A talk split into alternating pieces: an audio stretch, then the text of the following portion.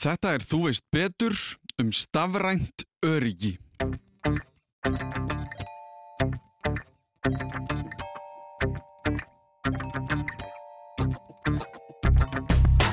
Hvernig metur virðið þitt í þeim skilningi?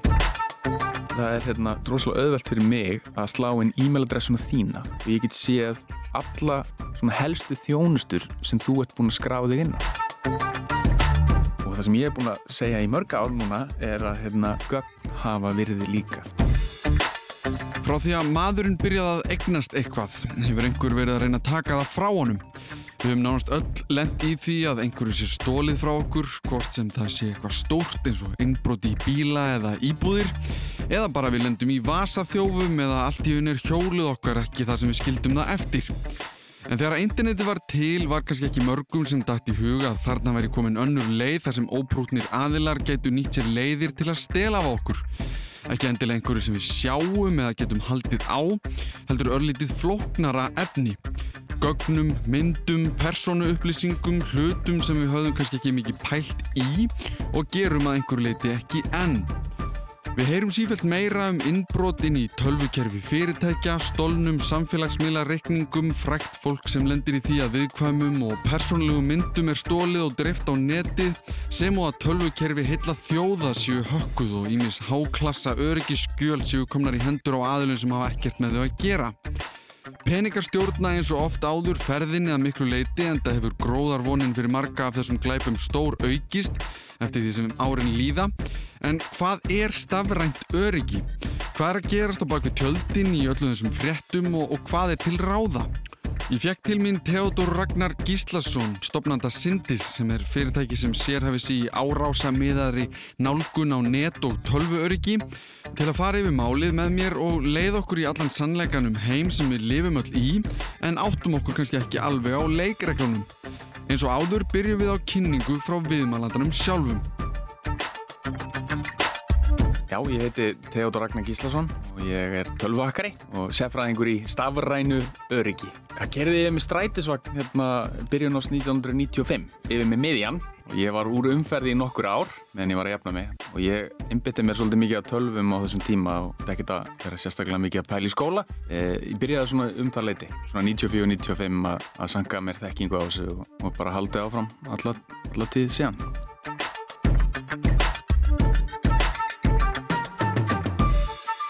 Og interneti hafi ekki verið til í þeirri mynd sem það er í dag er að þá voru tölfur byrjaðar að eiga samskipti fyrir ansvölu lengur síðan og þegar fyrstu vírusarnir voru að koma út fyrir mína tíð, ég held að það sé svona 1980 eitthvað um það leiti Það er það snemma samt? Já, ég, svona fyrstu vírusarnir voru á, á, um það, um það svona á því tímabili og þeim að dreift þá kannski í gegnum einhverja diskettur eða eitthvað, eitthvað slikt og, og svo kom síðar hitt svona BBS banki sem kannski hringt inn í eitthvað mótem heima í einhverjum og kannski náði í forrit og töluleiki og svona og hann, það voru oft vírusargrafni þar inn, á milli líka held ég. Þannig að eiginlega bara frá því að internetið byrjar þá byrjar einhver, að byrja einhverjur aðilar að reyna að notfæra sér það til, ekki kannski græðu, kannski bara til þess að pöngast í einhverju liði. Til þess að pöngast, til þess að trolla. Veist, þetta byrjaði sko áður en hérna, í dag er þetta orðið business. Veist, þetta, er, þetta er bara, þú veist, tölvuglæpir eru bara hardcore yðnaður en það var kannski meira til að trolla eða til að búa til svona orðspor eða, eða svona tæknileg áskorun sem kannski fórstundum hérna bara algjörlega úr, e, þú veist, úr böndunum. Mm. og hérna, maður er hérna eitt tækt dæmi um svona fyrsta internetormin sem dreifði sér raun og veru út um allt interneti sem var kannski nokkur hundru eða nokkur þúsandi vila en í byrju 90, eitthvað, eitthvað um það liti að það var bara gert til þess að sanna að þetta væri hægt frekar en og sjáu hvað ég get gert já, þetta er svona svolítið, svona svolítið þannig og þannig þegar ég byrjaði þá var þetta snýrast þetta meira að minna allt um það að svona öðlast viðkenningu í hópi af einhverjum tölvunördum eða einhverjum hakkara samfélögum og þannig, þannig og það var mjög, mjög gaman það var enga peninga að hafa úr þessu eða þú veist einhverja vinnu eða eitthvað annað eins og þessi ormur sem þú nefndir já. þessi fyrsti sem er hann að dreifa sér mm -hmm.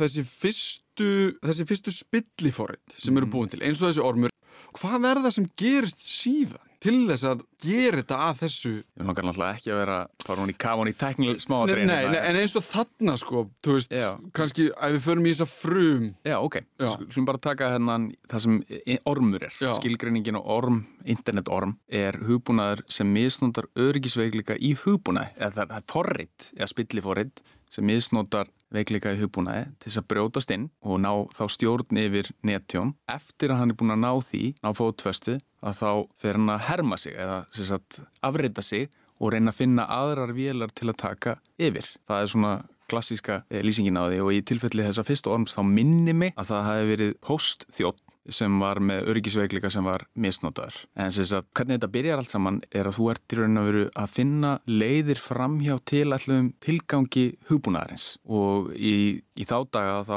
þannig að allir hugbúnaðar var skrifaður í forðunamáli sem hétt sé eða assembly og alls konar hlutir hérna og fræði og opaslega mikið pælt hvernig þetta virkar allt saman. En hakkararnir þeir voru að reyna sagt, eh, finna nýstálega leiðir til að misnota þessa virkni. Og eitt sem er ennþá nýtt í dag til dæmis þegar maður heyrir að einhverjum innbrotum í, í Chrome eða eitthvað svo leiðis þá er verið að misnota veikleika sem heitir eh, gætna kallað buffer overflow. Er að það er þegar þú getur haft áhrif á hvernig minn, minni forreitsins og örgjörfin er að eiga samskipti og þá er orðið svolítið svona low level flækjusti en þetta þurft einhver að finna upp á að gera. Þannig að þú veist, þannig ertu í staðis að byggja eitthvað upp og þá ertu einhvern veginn að taka það í sundur til þess að byggja það upp á einhvern annan hátt. Það er svona svolítið það sem hakkarar gera og þú eigðilegu samskipti með því að nota einhvers konar öryggisveikleika, það sem er kallað buffer overflow eða memory corruption og þegar þú er búin að hafa þessi meinfísnu áhrif sem, þú veist, þegar fórið krassar, það er það sem gerist. Þau eru raun og veru, hún er að reyna að gera eitthvað sem hún veit ekki hvernig það á að gera lengur. Af því hún er út fyrir raun og veru forreitaðan tilgangsinn sem við kallum þetta bounce exception eða eitthvað líka. En hérna, þegar þú ert að búa til svona exploita sem misnótar öryggisveikleika, þá ert þú búin að að framkalla þetta krass og þú, þú þarf að plata forritið einhvern veginn saman aftur og láta það gera eitthvað annað en það var uppálega forritað til. Og helst þannig að forritið haldi svo áfram að keira eins og ekkert hafi í skorist og enginn tekur eftir neinu. Þannig getur þú smita síma hjá fólki, eins og hvernig sátarnir komist inn á síman hjá, mann ekki hvað hann heitir, en sá sem var myrtur. En inn í grunninn er þetta aðferðin. Þú ert í raun og verið að búa til forrit sem krassa forrit en setja þessu saman aftur þannig að eitthvað annað taki við en notandi verður ekki var við neitt. Þessi internetorm sem ég er að vísi, hann var að beita svona frumstæðri útgáfi af þessari aðferð. Veist, eitthvað sem í dag er náttúrulega bara alveg hlægilega einfalt en í þá daga var þetta alveg, alveg unbelievable. Mm. Þú veist, þegar maður var að kynna sér hvernig svona virkar e, að þá var þetta bara alveg, wow, er þetta hægt? Þú veist, er þetta stjórna því hvernig forrit krassar þú veist, ég, ég segi forritinu að gera eitthvað sem það skilur ekki og ég get svo tekið yfir forriti. Veist, mér, fyrir mig að uppgöta þetta svona 96, 7, 8 á, á þessum tíma þegar svona fyrstu greinarna voru að byrtast um hvernig má stýra þessu, þetta var alveg ótrúlega... Þetta var bara eitthvað nýtt, þetta var bara eitthvað sem algjörlega... Já, þetta var, þetta var magna fyrir mig Já. að þetta væri hægt Mhm. á annar borð og þannig að það sem eins og ég fór að gera strax eftir þetta að hafa kynst þessu var bara að finna leiði til að hakka forrit Mhm. og hérna búa til e, svona exploit í þá dag var þetta allt bara, þú veist, þetta er bara geðett cool að geta gert þetta og gaman og skemmtilegt og svo get ég monta mig af því að vinnum mínum finnst þetta flott Mhm. þú veist, þá kemst upp einhvern svona metorðastega nördana Mhm.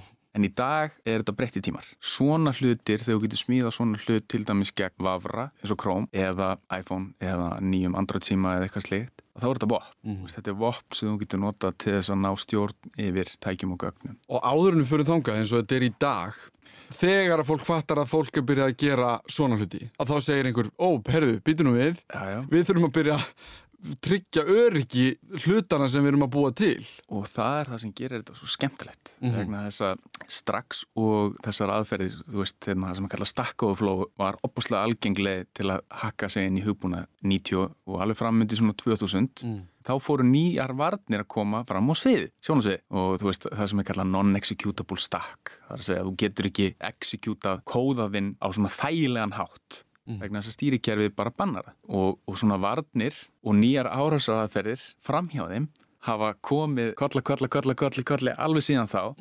Og hérna, þannig að nútíma stýrikerfið það er súper erfitt að misnóta svona veist, það, er, það er ekki svo erfitt að finna e, að láta fórið krassa en sagt það að komast yfir að ná stjórn yfir tölvu eða stýrikerfi því að þú þurfur að fara framhjáli 10 pluss mismunandi vörnum sem er búið að bæta við e, bæði stýrikerfið og í tilfelli króm til dæmis sem er vafrin sem flesti nota að þá er vafrin sjálfur búin að bæta vörnum ofan á stýrikerfið. Vegna þess að hann treystir ekki stýrikerfin og það er það sem er kallast undir sandbox og einhverju svona viðbættar varnir og hann er að smíða svona, svona hugbúna exploit í dag er bara brjáluð vinna. Endur þetta líka hansi, hansi mikill peningu sem þú getur fengið fyrir svona veikleik í dag.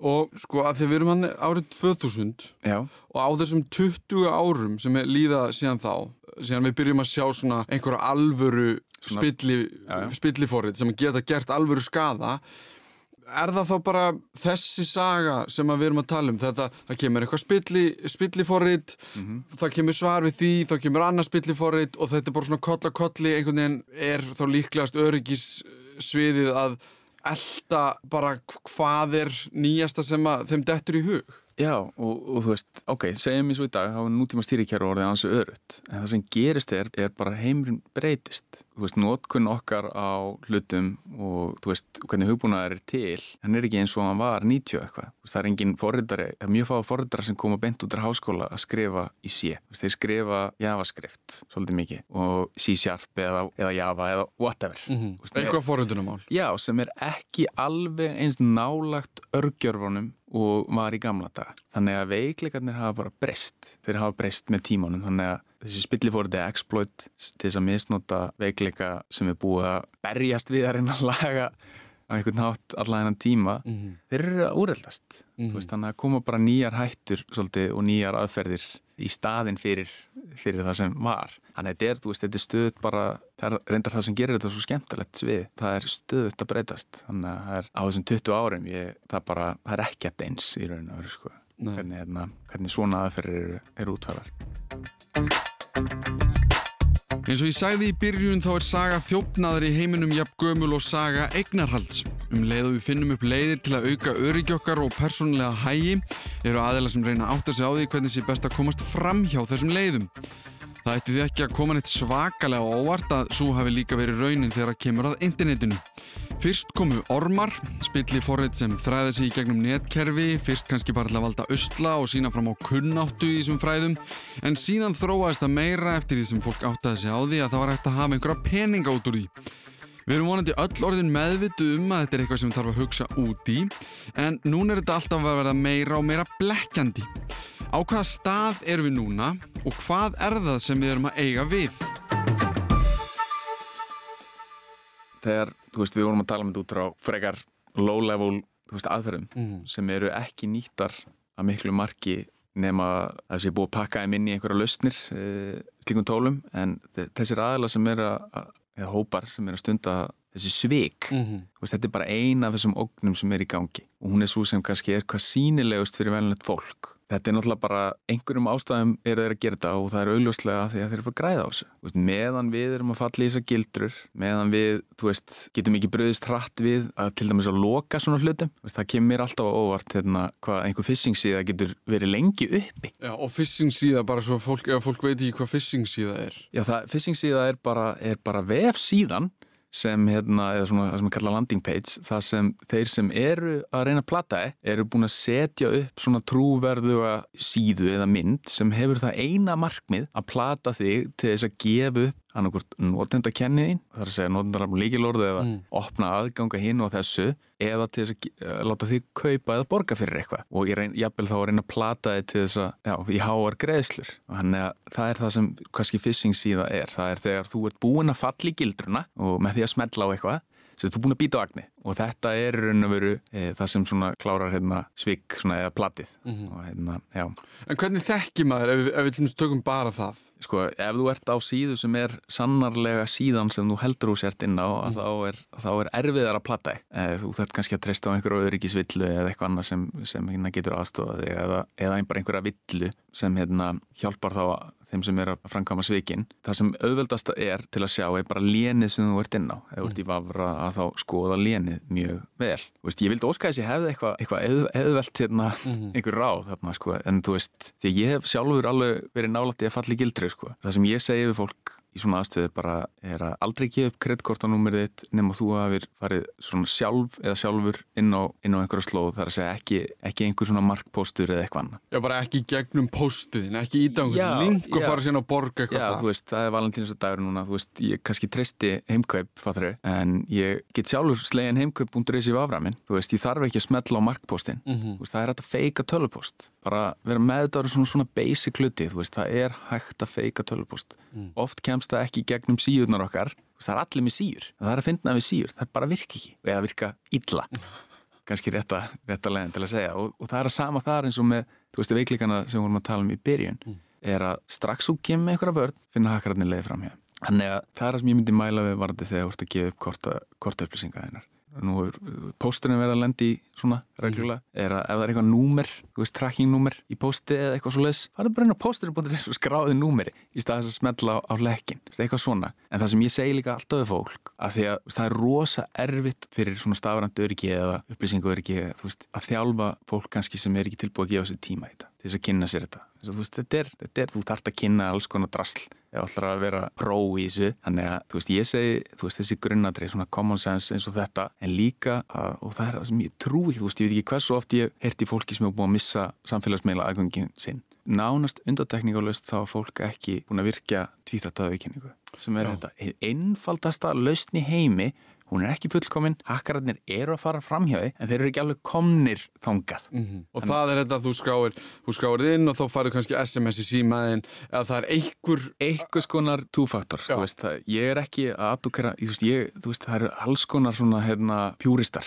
í öryggisbransan og það verður að vera svona það verður að vera YubiKey eða eitthvað svona það verður að vera hardware physical device hérna, sem ég er með og ég þarf að stinga því sérstaklega, Jú, það, það getur verið í ákveðnum kringustæðum, já, en eitthvað er það sem ég abdukera fyrir. Ekki já, bara virkja, þannig að þú kemst ekki inn nema með einhvers konar tvíþættu aukenningu, ég sjálfur nota þannig að hérna, eins og fyrir gemilið mitt að þá man hún tæki mitt í, ég man ekki, 30 daga eða eitthvað slúðis. Þannig ég þurfi ekki að gera þetta nema 30 daga fresti. Það sem þú gerir með þessu er að þú eigur flækjustig árásræðalina og, og akkurat núna eru svo ógæslega margir ekki með þetta virkja, þannig að það, svarar ekki kostnaði fyrir þá að eigða púðri í að fara fram hjá þessum. Þú veist, á einhverju tímbúndi, kannski eftir 5 ári eða ég veit ekki, að þá getur við verið að svipa samtala um að tvíþætt aukenning virkar ekki lengur. Já, þá verður við bara öll að fara inn á hérna, rafrænum skilríkjum eða eitthvað. Ég veit, ég veit ekki, þú veist, hérna, sko, En ég meina þeir eru, þau, þau hann úti sem eru að reyna þetta og eru í þessum bransa að hakka þá til slæms. Þau eru að reyna að finna leiðir til þess að krakka eða hakka þessa tvíþættu auðkenningu til þess að fara inn á einhver tæki. Alveg eins og með allt í þessum, í sögu að þá er bara að reyna, verið að reyna að komast að. Já, já, og líka, þú veist, það eru nú þegar til er, þú hefur búin að vera til lengi, þú veist, það er sem ég kalla maninda browser, þú veist, að þá ertu, en þá krefst þess að þú ert búin að taka yfir tækið, allt tækið. Og ég, maður er nú kannski, ég hérna í Vesturbænum er nú kannski ekki Nei, fyrsta fórnalambi til þess að eigða púðri í Nei, það, það. er, það er frekar svona manneskja sem er með eitthvað, ég, þú veist, með fullri veringu, þá kannski ekki með nóg mikið að juicy, Nei, ég er bara, ég er mjög sátt við það En það við erum að tala um á einhverju svona öðru bara plani. Við erum að tala um já. pólitíska, þú veist, þetta snýst þá bara um eitthvað allt annað heldur en mig og þig kannski. Já, en þú veist, það er nefnilega að finna við þetta, er að hvernig metur virðið þitt í þeim skilningi? Og ég held að fólk haldi að það sé með pólitíkusar, held að pólitíkusar séu svo opnir með sitt að hérna, að er, ég er ekkit vissum að þeir séu eitthvað sérstaklega að standa sér vel í þessu, en hérna, ég held að þú veist, hérna, fyrir mér mér, mér persónulega, og nú vinn, þú veist, ég er búin að vinna lengi við að haka, þú veist, ég er búin að vinna við þetta síðan 98 sem nánast fullt starf að brjótast inn. Í dag eru þeir sem hafa líklaveldin, það eru tæknifólki, það eru forrættararnir, það eru kerfistjórnir. Þetta er fólki sem ég er mestan áhuga á, af því að þeir, þú veist, þeir eru með líklana Já. og þeir hafa aðgangin að hjartanu, krúnar djásnónum, hvernig svo sem þú vilt orða það, sem eru, þú veist, mikilvægastu kerfin, sko. En einhver tiltekin einstaklingur sem er bara, sko, síman sinn og Það er kannski minna virði í því ekki nema að það sé svona alveg super VIP, þú veist, kannski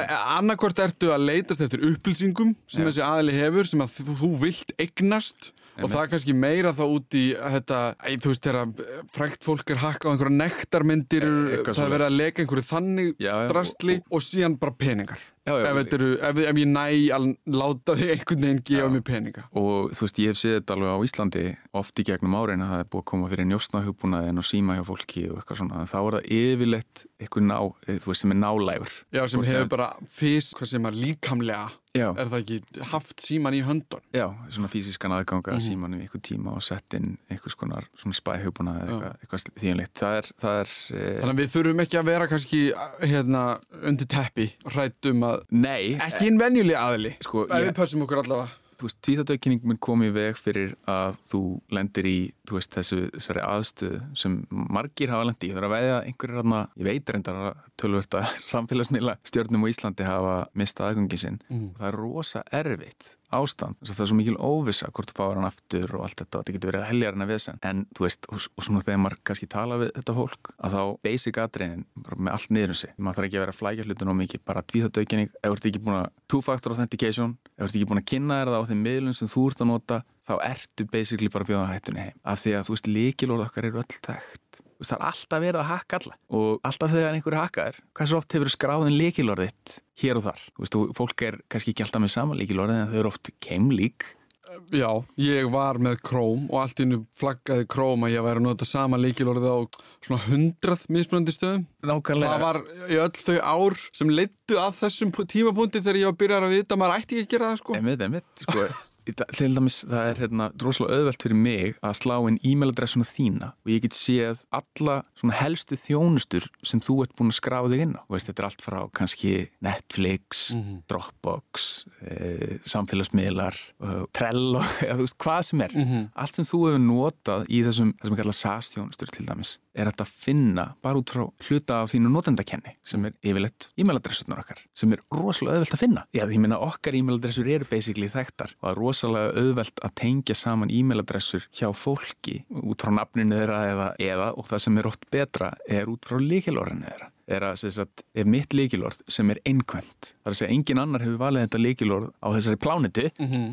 og það eru til hundruðir miljardar leikilorða í lekum eh, sem hafa komið út mm -hmm. og eru, eru aðgengileg, það getur hver sem er náðið í þetta þetta er á svona einhverjum fórums miskóðum á internetinu, en það getur allir náðið í þetta já. það eru til, til slóðir fyrir þetta ef, ef þú, þitt einkvæma leikilorð er hann inni, þá getur ég fundið allar e-mailadressu sem þú hefur búið til þess að nota þetta leikilorð, mm -hmm. bara með því að leita að þessu leikilorði í þessum þessum fínu Excel-skjölum. Ég veit það sjálfur. Og það ekki það vel. Að velja gott líkilværi bara, það er allt og erritt og að það að vera með svona password manager eins og margir eru með er ekkert öllum fært. Veist, það sem þú ert með eitthvað forrið sem heldur utanum öll líkilværiðinn og þau eru öll svona handahófskendali fullkonlega en þú ert að halda utan það. Og þú veist þegar þú ert einhver starf á tannlæknustu að býða eftir tímaneginum eða whatever þú ert ekkert að bara velja þannig líkilværi þegar þú ert að skráða upp á einhverja nýjustu whatever þjónustuna. Mm. Þannig að ef fólk kannski bara gefur sér það að líkilorðið er, er þekkt og þá svona kannski held að átti sér fljótt á því að það sé mjög mikið að virkja tvíþættu auðkenningu. Ætlegar getur þið mist aðgöngin eða gögniðin eða myndirnænar eða, eða hvað svo það er. Og sko að því við langar til að tala um hakkarana, skilur þetta orð, en áður en við tölum um það, mm -hmm. að þá kannski langar við til að aðeins fara í þetta sem við höfum verið að heyra alltaf meir og meira um mm -hmm. og það er þessi samtfinningur af því sem ég sagði áðan með að það er einhver að reyna að grafa eftir upplýsingum hjá þér og reyna að hakka þið þannig og það er einhver að reyna að plata alltaf að gefa sér peninga og það er það að það er búið að blanda þessu saman þar sem að upplýsingarnar um þig bara gögnin þín og fleira eru tekin í gíslingu. Við höfum séð þetta hjá stórfyrirtækjum út í heimi.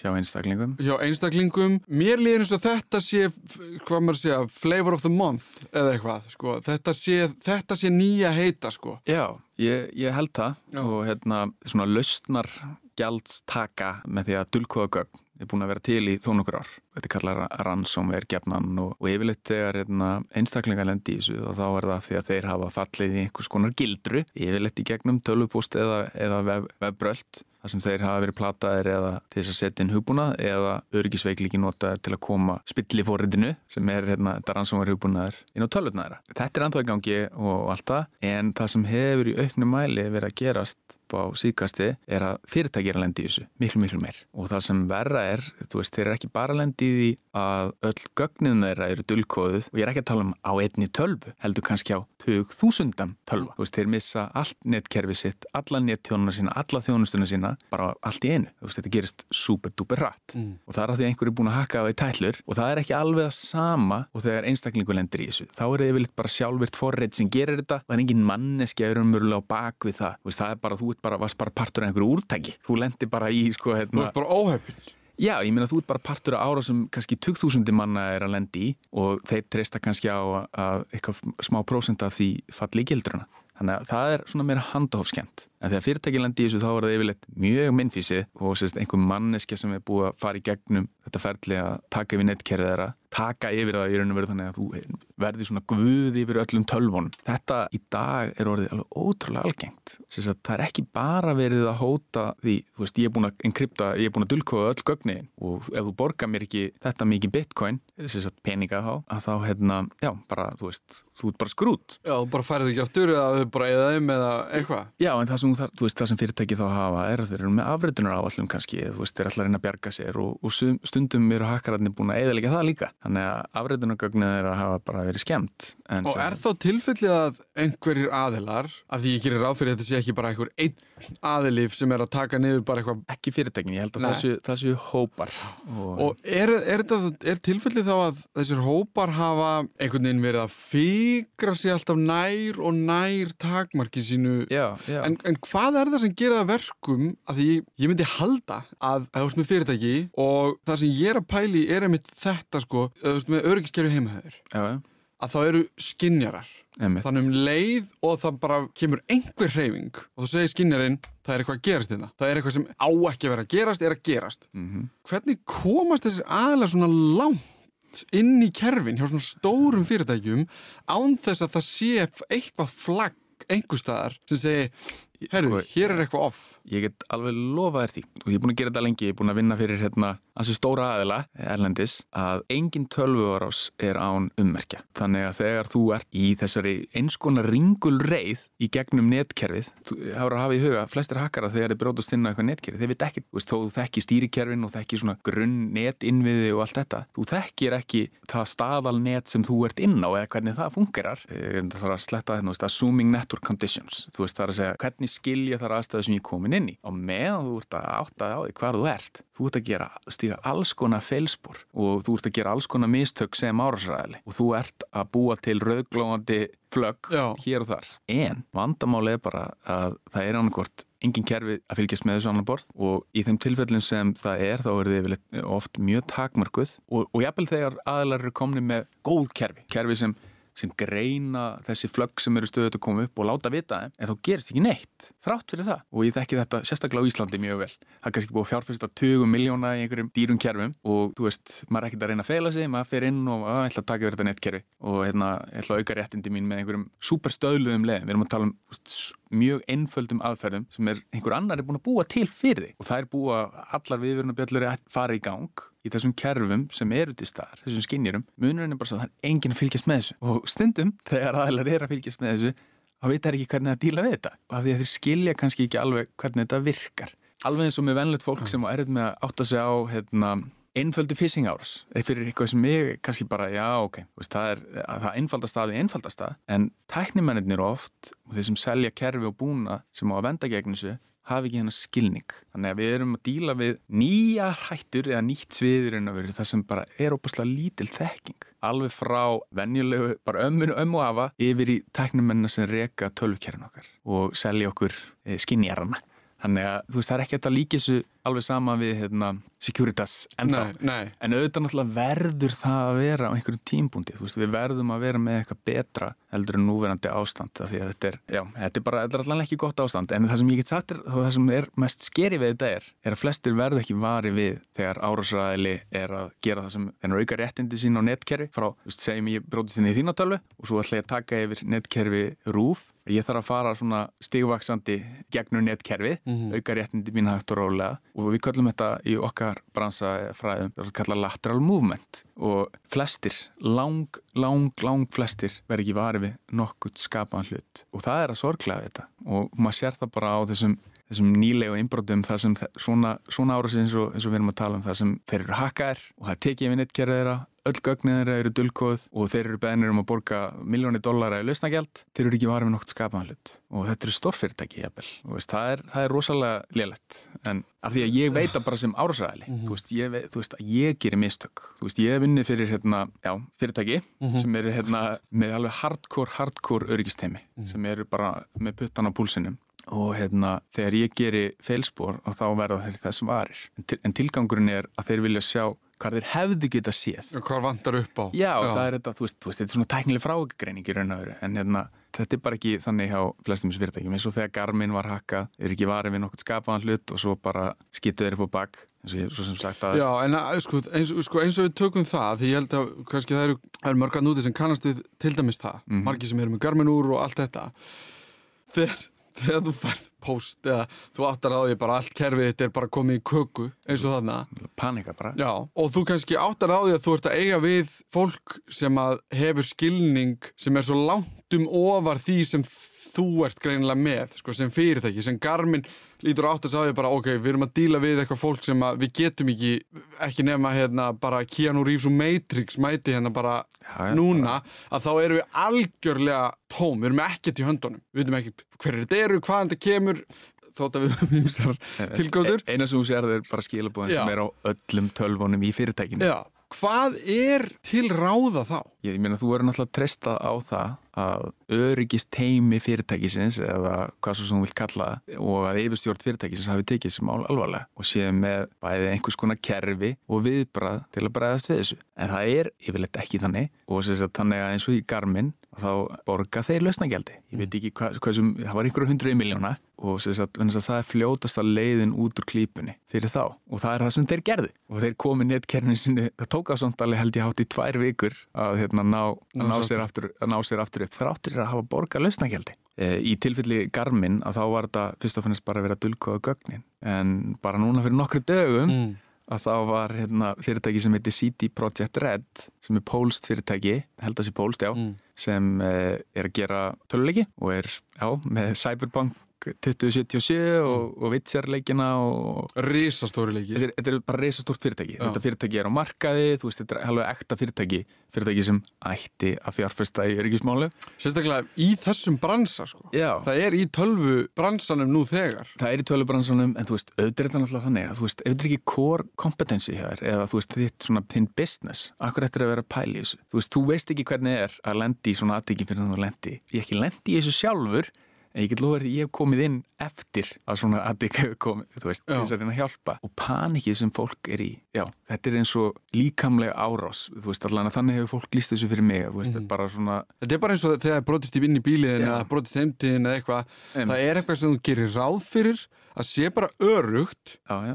sem bara er fólk það núti sem að vill komast í þetta já, já, og, og svo, svo er þetta, ef þú horfður þetta eins og fyrirtæki að þá er þetta þannig, við getum ekki stund að viðskipta lengur framlýslinnin okkar er dóin við getum ekki, við verðum með miljóni dólar á dag og eitthvað mm -hmm. svona hlutir og fólk panikar mm -hmm. það er algjört panik, það er ekkert sem þú getur gert þeirri, þú veist, þannig að þú veist ekki neitt þú veist bara að þú ert með þetta hann að þú bara hjálpaði mig, bergaði mig, ég skal gera hvað sem er En getið þið gert eitthvað? Stundum. Út af hverju getið stundum gert eitthvað og stundum ekki? Er það þá háð hæfni þess sem að haka þið? Já, gæti verið það, en Já. það geti líka verið að þú veist, það sé, það var hann að fólk sem tók þetta alvarlega og það hefði verið hugað að betri afritum eða, eða svona þannig að þú getur fljótlega endurkraft tiltekingu mm. eða, eða þýjunleitt. Já, stundi gera hakkararnir líka mistök, eh, en ég er svona yfirleitt þegar þú lendur í þessu þá skæðan skeður, mestu leiti en þú veist, ég hef sjálfur hjálpa fyrirtæki að borga á lausnagjald og í því tiltekna dæmi þá var engin auðveld leið út úr dæminu, þú veist, auðvitað segja maður við fyrirtækin ekki borga. Mm -hmm. þú ert basically bara að segja með þetta virkar.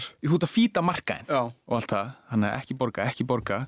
En sko, já, við getum ekki stund að viðskipti. Við eigum afrið sem eru 30 dag gömul á einhverju teip Það er búið að eiðilegja online afritin okkar. Svona hlutir. Við fyrir á hausin eftir þú veist nokkra daga hérna. Veist, þetta er eitthvað svona svona hluti sem allt í hennu kom inn í og svo er þú veist kannski einhver, maður allt í hennu tæknum að hérna, tala við eh, stjórnaformannin eða eitthvað líka. Og hann bara, já, já verk áallun, þú veist, eitthvað svona Hann bara skilur ekki um hvað við erum að tala. Hann veit ekkert hvað hann er að tala um. Þannig að í slíkun dæmum að þá get ég alveg séð og skilið þessu leiti af hverju fyrirtæki borga. En það er náttúrulega að gera það verkum að svona árið sér halda áfram. En kerfi og, og varnir þróast. Og það sem ég hef búin að segja í mörg ár núna er að hérna, gögn hafa virði líka við vitum að okkar gögn hafa virði sem einstaklingar veist, með Cambridge Analytica og, og hérna, hvernig okkar samfélagsmiðlu upplýsingar voru alltaf í einhvers virði. Að sama við um gögn fyrirtækja. Þannig að þegar þú kannski komið þannig að þú getur komið þér aftur þú veist, trátt fyrir allt nettkerið þetta verði dulkoða, að þá getur komið mér aftur upp í rekstur á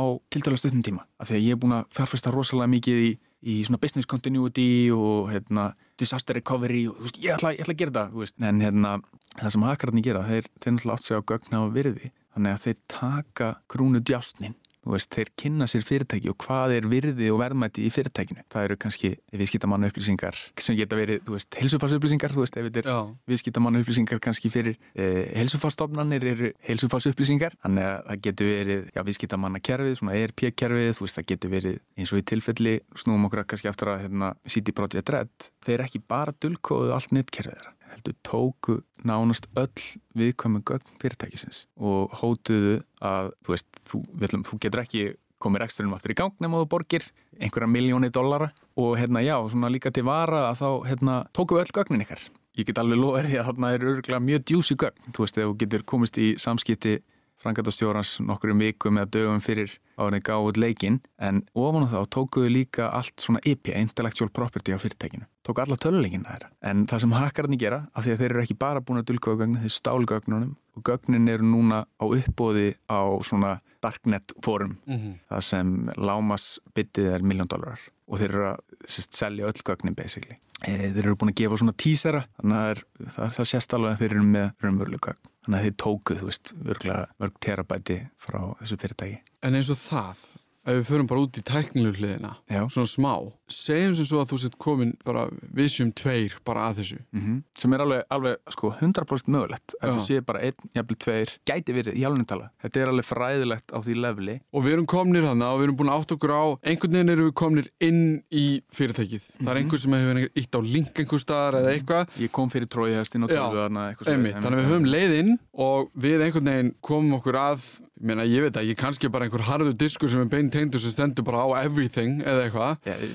Þú veist, það getur allt verið. Já, e, ok, fyrst þú segir þetta. Mm. að sagt, fyrirtæki geima kóðuna sinn á svona, svona code repository eða svona, veist, sem heldur utanum kóðuna þeirra. Og stundum er, er þetta bara aðgengilegt án auðkenningar. Eina sem ég þarf er bara að vera á netinu. Já, bara vinnu netinu. Já, þú veist, ég þarf ekki að vera, ég þarf bara að vera á þeirra netkerfi, mm. þú veist, ég veit ekkert hvernig þeirra umkörfi er sett upp. Mm. Það sem ég er að pæli er sko, kominir inn. -hmm. þeir eru búin átt að sá því hvar allt er sem þeir vilja. Og bestalegandi þess er um þetta bara að lesa skjölun, innri skjölunina veist, það sem ég, eh, þegar ég sjálfur þegar ég gerir nákvæmlega þetta. Já, bara, eh, og til þess að taka það fram, þá er það vinnan þín. Já, þetta er vinnan mín og ég minna þú veist, til dæmis ef að hérna, eh, einn af þeim sem ég vinni fyrir, hann skrifaði um, um eitt verkefni, það sem ég var að vinna fyrir. Það var hérna, fyrirtæki Dropbox mm. það sem ég, ég veist, er að brótast inn í það og ég er að ná stjórn yfir því fyrirtæki. Og hérna, gekk mjög vel og allt það, en það fyrsta sem þú gerir, þú verður að lesa skjölunina og svona onboarding skjölun er, er það besta. Hei, ég er ný starfsmæri á þessi fyrirtæki, þetta er öll kerfin sem þú þart aðganga. Þannig að það er það fyrsta sem ég les. Þegar þú ert ný starfsmæður, þá, þá fer ég gegnum svona onboarding ferli. Ég er nýbyrjaður og þetta er bara svona pakkin sem ég þarf til þess að hefjast handa. Já, einmi. Og fyrir tæknifyrirtæki að þá segir þetta þér hvar öll krúnutjásnin eru staðsett já, þarna erum við með kóðan okkar mm. þetta er, svona þartu þennan til að komast í þetta mm. og svo framvegs og framvegs og framvegs og framvegs og eins og þarna hjá CG Project Red mm -hmm. segja þessi að bara, þú veist, taka þeir gögnin, þeir enda með því að það, gögnin eru bara á tölvunum þeirra, já, eða hvernig sem það sko, er Ég hef oft lendið því að ég hef kallað svona, ég sé of harður þegar ég er að gaggrina hérna, þú veist, þegar ég segi dæmis að Garmin hefur skitið upp á bak mm. og allt þetta, en ég er ekki að segja þetta bara af því að til þess að vera að búa til einhverja headlines. Þegar þú ert að gera þetta að þá býrðu til alveg skýr ummerki um minnfísni þannig að gott eftirlitt, góð öryggiskerfi, grunn öryggi þú veist, basic shitið. Mm. ef það er til staðar, þá mun það flagga á mikið af því sem maður gerir og eitt af þessu svona, þess að ég myndi segja sérstaklega verið fyrirtæki sem er að venda eitthvað viðkvæmt er að fylgjast með traffík út úr netkerfinu. Já, umferðinni. Já, vegna þess að þú veist, herri, þú þekkir þetta sjálfur, þú veist, það var alltaf verið að mæla, það er gert á símólum okkar. Ég veit það. Það er að mæla allt sem við gerum. Já. Þannig að getur pæltið, getur ímyndaðir það hvað hefur verið tekið mikið að gögnum fyrir þessu fyrirtæki. Það ég já, Ég skal segja þér sjálfur, hef ég lendið því að ég var að vinna fyrir resastórt amerísk fyrirtæki og hérna, eitt af þessum stóru samfélagsmiðlum, ég ætla ekki nefna, ég ekki að nefna neitt Já. og ég var að svo á gögn út það sem er kallað data exfiltration, mm. það er það sem þetta er. Þetta, akkurat þessi tiltakna hérna, já, já. heitir data exfiltration. Það er alls konar leiðið til þess en, en hérna, og sumar eru flottar en aðrar og það er alls konar svona, ú, þetta er cool og þetta er nýtt og eitthvað svona mm. heimilslegt í því en hérna, þú ert samt alltaf að búa til pakka sem eru merkjanlegir og greinanlegir sem þeir eru að fara út í netkernu. Mm. Það er mikið gagnamag kannski og þetta á að flagga. Þú veist, ég lendi því í því verkefni að ég var komin inn í hjarta fyrirtækisins og ég byrjaði að soða út gögnin. En strax svo það hitti á, ég man ekki hvað, var 2 gigabætt sem er ekki mikið, að, að þá hérna, var, kom high level alert inn í eh, sokkið eða það sem bláa teimið er og bara vakt allan sólurringin mm -hmm og af því að það, þá ertu með svona high svona confidence alert yfir raunverulegt atveg þá var allt sett í gang og þeir stoppuðu árásuna en hvern... auðvitað var tjón, þú veist, þeirra huga var alveg, þú veist, þeir voru mjög ánæðið með verkefnið og allt það, en ég misti aðgangi minn mjög rætt, mm. en málega er, er að í öllum tilfellum er að þú veist, þú ert ming lámarka tjónið og hérna, þú veist, það geta allir lendið innbroti. Það, það er ekki, þú veist, þetta snýst ekki um eitthvað, þú veist, þetta svarta bók sem kemur í veg fyrir allt, sem margir virðast halda að sé mögulegt. Mm. En það er aldrei mögulegt, mun aldrei vera mögulegt eh, meðan, þú veist, við erum, þú veist, fólk og við gerum mistök og það, þú veist, við erum líka uppfinning, getur fundið upp á nýstalunum og Já. allt þetta. Þannig að trikkið í þessu og trikkið í öllum örgismálum, sérstaklega á þessu leveli, er að reyna bröðist hratt við til að lámarka tjón. Þegar ég er kannski að segja, herðu þeir voru greinlega með allt niður um sig og þá er ég kannski að segja, af hverju greindu þeir ekki þessi 100 terabæt sem fór út í netkeruna mm. á þarna stuttum tíma? Það er eiginlega mín spurning sko. Þú veist, af því að mér finnst svo ótrúlegt að það sé hægt á svona stóru fyrirtæki Já. og ef við tökum Garmin líka, við tökum CD Projekt Red, ég meina það eru fullt af tilvægum sem við vitum, já, sem þú veist kannski af já, en ég ekki og, fleira. Þetta er svona pínu eins og þú sért heima og það sé einhver sem komi inn og taki sjónvarpið þitt. Eh, algjörlega. Og þú ert, þú ert ekki að spyrja hennar spurninga, þú ert ekki að eitthvað herrið fyrir ekki. Hvað er þú að, hvað er þetta að fara með þetta sjónvarp? Þetta er svo les. Og hérna, í raun og veru er þetta meira eins og að þú veist ekki lappinn og taka síma en hefði maður að taka afritu öllum myndunleginum og setja hennan hupuna hérna og, og þú segir ekki neitt, tekur ekki sem að þetta er álíka og hérna það sem ég allavega upplifi með svona atvik þegar hérna þú veist, maður er að segja, já, það er allt neyru sig og þú veist, og, en þá vil fólk fá eitthvað quick fix, en það er bara ekkit eitthvað skindilustnir í þessu, en þú veist, ég segi svona, þú veist, basic common sense fyrir einhverjum einföldum ummerkjum, þú ert ekki með það þú veist, ég út af mig, sko, mm -hmm. þú veist hérna, venni þess að allir árásæðilar allir minnfísnir hópar eða einstaklingar sem eru að þessu í hagnaðarskinni gera mistök. Og mistökinn felast í að þeir svona trippa einhverja wires sem eru hér og þar. Þú veist til dæmis stýrikerfun okkar lokka allan fjandan veist, eitna, en við erum bara ekki fylgjast með þessum lokka en ég vildi vild óska þess að það væri, væri einhver svona, einhver, já þetta er rétt að leiðin til að gera þetta en það er, það er ekkit svo leiðis það er bara Þannig að þú veist, engin að verja sömu hlutina. Þú vilt kannski ekki fylgjast með allir nettrafík allstaðar hjá þér, fattur en mm. það skiptir kannski máli á einhverjum tilteknum parta netkernin eða tilteknum nettjónum eða... eða þú ert allavega með vörn í kringum krúnudjásnin, ef ekki að segja það? Jú, ég myndi segja það, þú veist, eð, þú veist, en ég held líka bara, þú veist, það er oft fjárfæst í alls konar stöðlum og, þú veist, stjórnunarlegu upplýsingaverikis mambo jumbo mm -hmm. sem ég hef ekki miklu að trúa ég hef ekkert á móti en bara það er ekki löstnin á stafrænu öryggi að setja inn ISO 27001 staðal hvernig þú er að byggja upp stjórnkjæru upplýsingaverikis það er súper mikilvægt að gera það súper mikilvægt, en það er ekki löstnin á þessum vandamáli. Hún segir bara þú átt að vera með reglur fyrir hitt og þetta og gera allt þetta, þú átt að vera með þessi plön en hún segir ekkert, þú veist, hvort þú gerir þau vel og ég hef enga trú á því að sástæðal eða aðri staðlar sambarilegir eh, séu að fara að gera það. Ég freka að segja að þetta væri svona þekkingavandamál. Og það kannski sko, mér langar til þess að taka þetta hakk, orð að því að við höfum heyrt hakkari bara, eiginlega bara, hlað síðan eiginlega interneti kom, hakkari og fólk held ég hefur neikvæða ja, merkingu eða, eða sérst, í þessu orði. Ma mamma mín sko bara þólir það ekki. Þegar ég, hérna lýsum þessum atvinnu hakkari Já, af því það er eitthvað eins og að segja og setja atvinnu glæpamæður næstum því sko. Eða eitthvað verra sko. eða eitthvað, já, eða eitthvað Já. verra.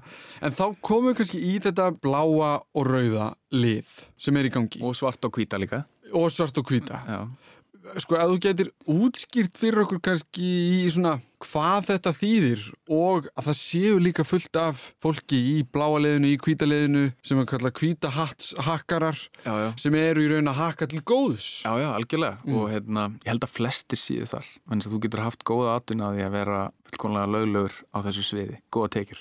Sem snúast á um hvað, svo svona Ég held að með sér svo einlegið hérna, ef þú gaman að í brótstinn og, og hakka þar þá eru nánast öll stórfyrirtæki í dag að bjóða upp á eitthvað sem heitir bug bounty. Þetta er ekki komið til Íslands að neinu ráði en þetta kemur.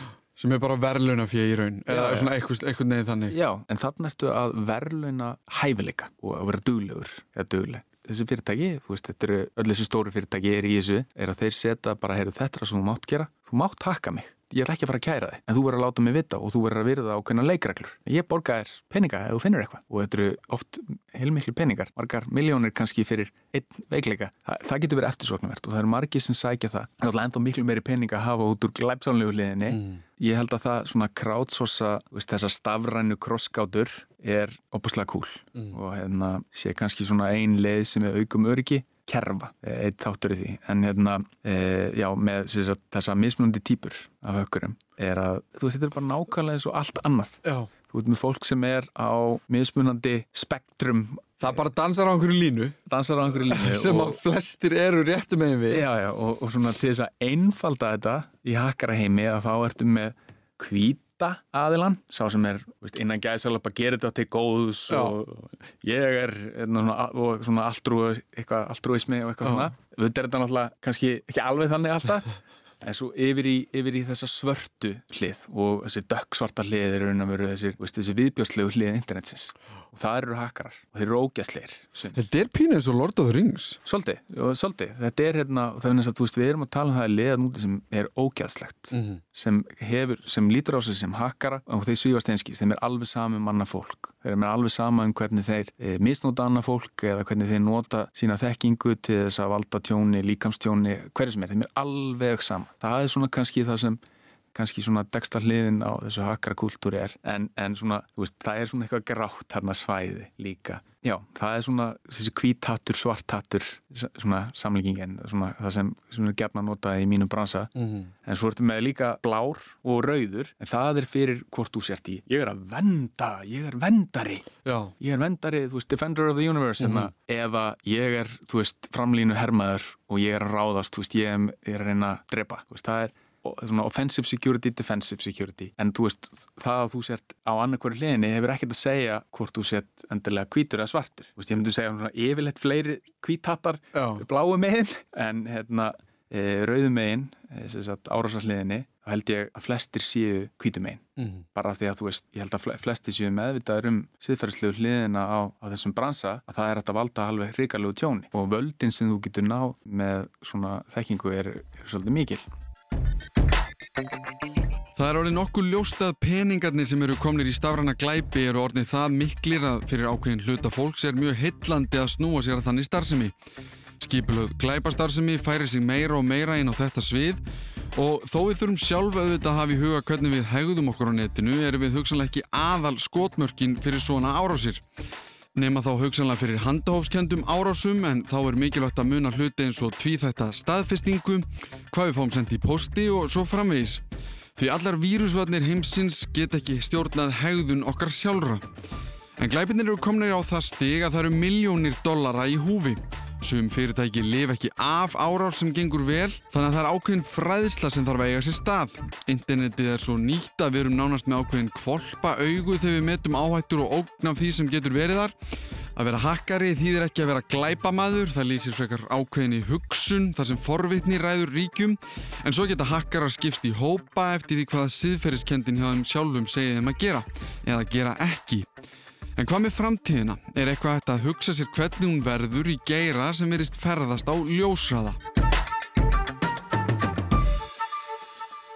Já, ég, veist, ég veit ekki hvað koma skal í þessu en þetta er ekki fara að minka þú veist, vegna þess að þekkingin á árásarliðinni er að aukast og náttúrulega varnarliðinni líka þannig að, veist, en, en hérna en það, veist, það er gríðalega aukninga á þekkingu á þessu sviði, hún er ekkert að fara að minka held ég. Af því að veist, það eru alls konar tækifæri alveg sama hvar þú ert á þessu litrófi, eh, hakkara lit Haks, já, já, og svo er þetta líka eitt eins, og, eins og orðið hakkari er að hérna, ég er mína tólkun á það en ég veit að þetta er fullt af fólki sem er ekki að bróta sinni tölvukerfi eða bróta hugbúna eða eitthvað slíkt sem lítur líka á sig hakkar og þau eru hakkarar. Þetta er held ég bara svona hugarfar að láta sig efast hvernig hlutinni virka, Mhm. kannski er, er, er einlega til að horfa á það og, og, og hvernig þú getur gert hluti á öðruvísi hátt en voru upphaflega ætlaðir í já, ég held að það að vera hakkari er ekkit endilega einskorða við, við þá sem er eitthvað að brótast inn eða verjast tölvu ára sem sko. Og það kannski bara, bara því þú nefndir það núna aðeins, sko, það er framtíðin. Sko, þegar við horfum fram á veginn og náttúrulega í þessum heimi að horfa fram á veginn eru sko tvö ár bara heil eilíf. ég meina ekki séns sko. Já. það er, veist, hérna. En svona svo við bara fabulerum aðeins, sko, svona, svo bara svona pælum aðeins í þessu. Við erum búin að tala mikið um þessar leiðir sem eru heitar núna, þetta að, að halda gögnum í gíslingu. mm Erum við ekki alltaf bara að taka þetta bara viku eftir viku eða eitthvað? ekki kannski endalega vika eftir viku en við sjáum ekki langt fram í tíma. Það, er alveg hreinu. Og hérna hún fljótur að úröldast líka í þessum Mhm. bransa sko. Ég, hérna, þetta er full vinna bara við það að fylgjast með bloggunum í þessu sko líka við að þú veist Já, því sem er að gerast í þessu. En hérna, þetta, maður ekki glórið það. Eina, eitt sem ég veit er að við erum alltaf að auka tækin sem við erum að tengja við interneti, sem er kallið þetta hlutanetið, internet of things þriðja innbyltingin. greiðið einbildingin og allt þetta og svo ertu náttúrulega með þú veist, sjálfvirknivæðingu á öllu. Flugvélum, bílum, you name it sko. og þetta er allt tengt við interneti í einhverju formi. Þó að sé kannski ekki á internetinu eins og við erum á því heima hjá okkur þá er þetta með einhvers konar nettengingu sem er tengt við alneti einhvern veginn að hérna, það sem ég sé svona, þú veist, búin að vera að gerast líka eh, sem er mjög áhugavert fyrir mig er að þarna ert að tengja opaslega gömul kerfi eða svona gamaldags búnað við hérna, interneti Og þá erum við að tala um bara eins og ískapa eða þottavelar eða eitthvað slíkt. Já, já, vegna þess að þú veist minna, eins og við vorum að ta- byrjaðum þetta við vorum að tala um hérna, þessu þróun í því hvernig veist, exploitar eru til og veikleikar hvernig það er ákveðin svona framþróun í vörnum stýrikjærana. Mikið af þessum hérna, EOT-tækjum eru, eru í raun og veru að keira annarkvort eldgamlan hugbúna við erum að tala um 20 pluss ára gamlan hugbúna þannig að áður en varnirnar komu inn Þannig að þetta er eins og fyrir mig er þetta svona, svona back to the future. Það er svo auðvelt að hakka þessi tæki. Þeir eru bara nánast án varna og, og það er það sem er, það er súper skemmtilegt en það er líka súper skeri, þú veist, þegar út með hérna, 5G og alla, alla þessa svona aukningu á tengimöguleikum sem við munum fá á næstu árum. Þannig að ég held svona að við fyrir munum sjá oljupumpur hérna, spreytand út olju eða Já.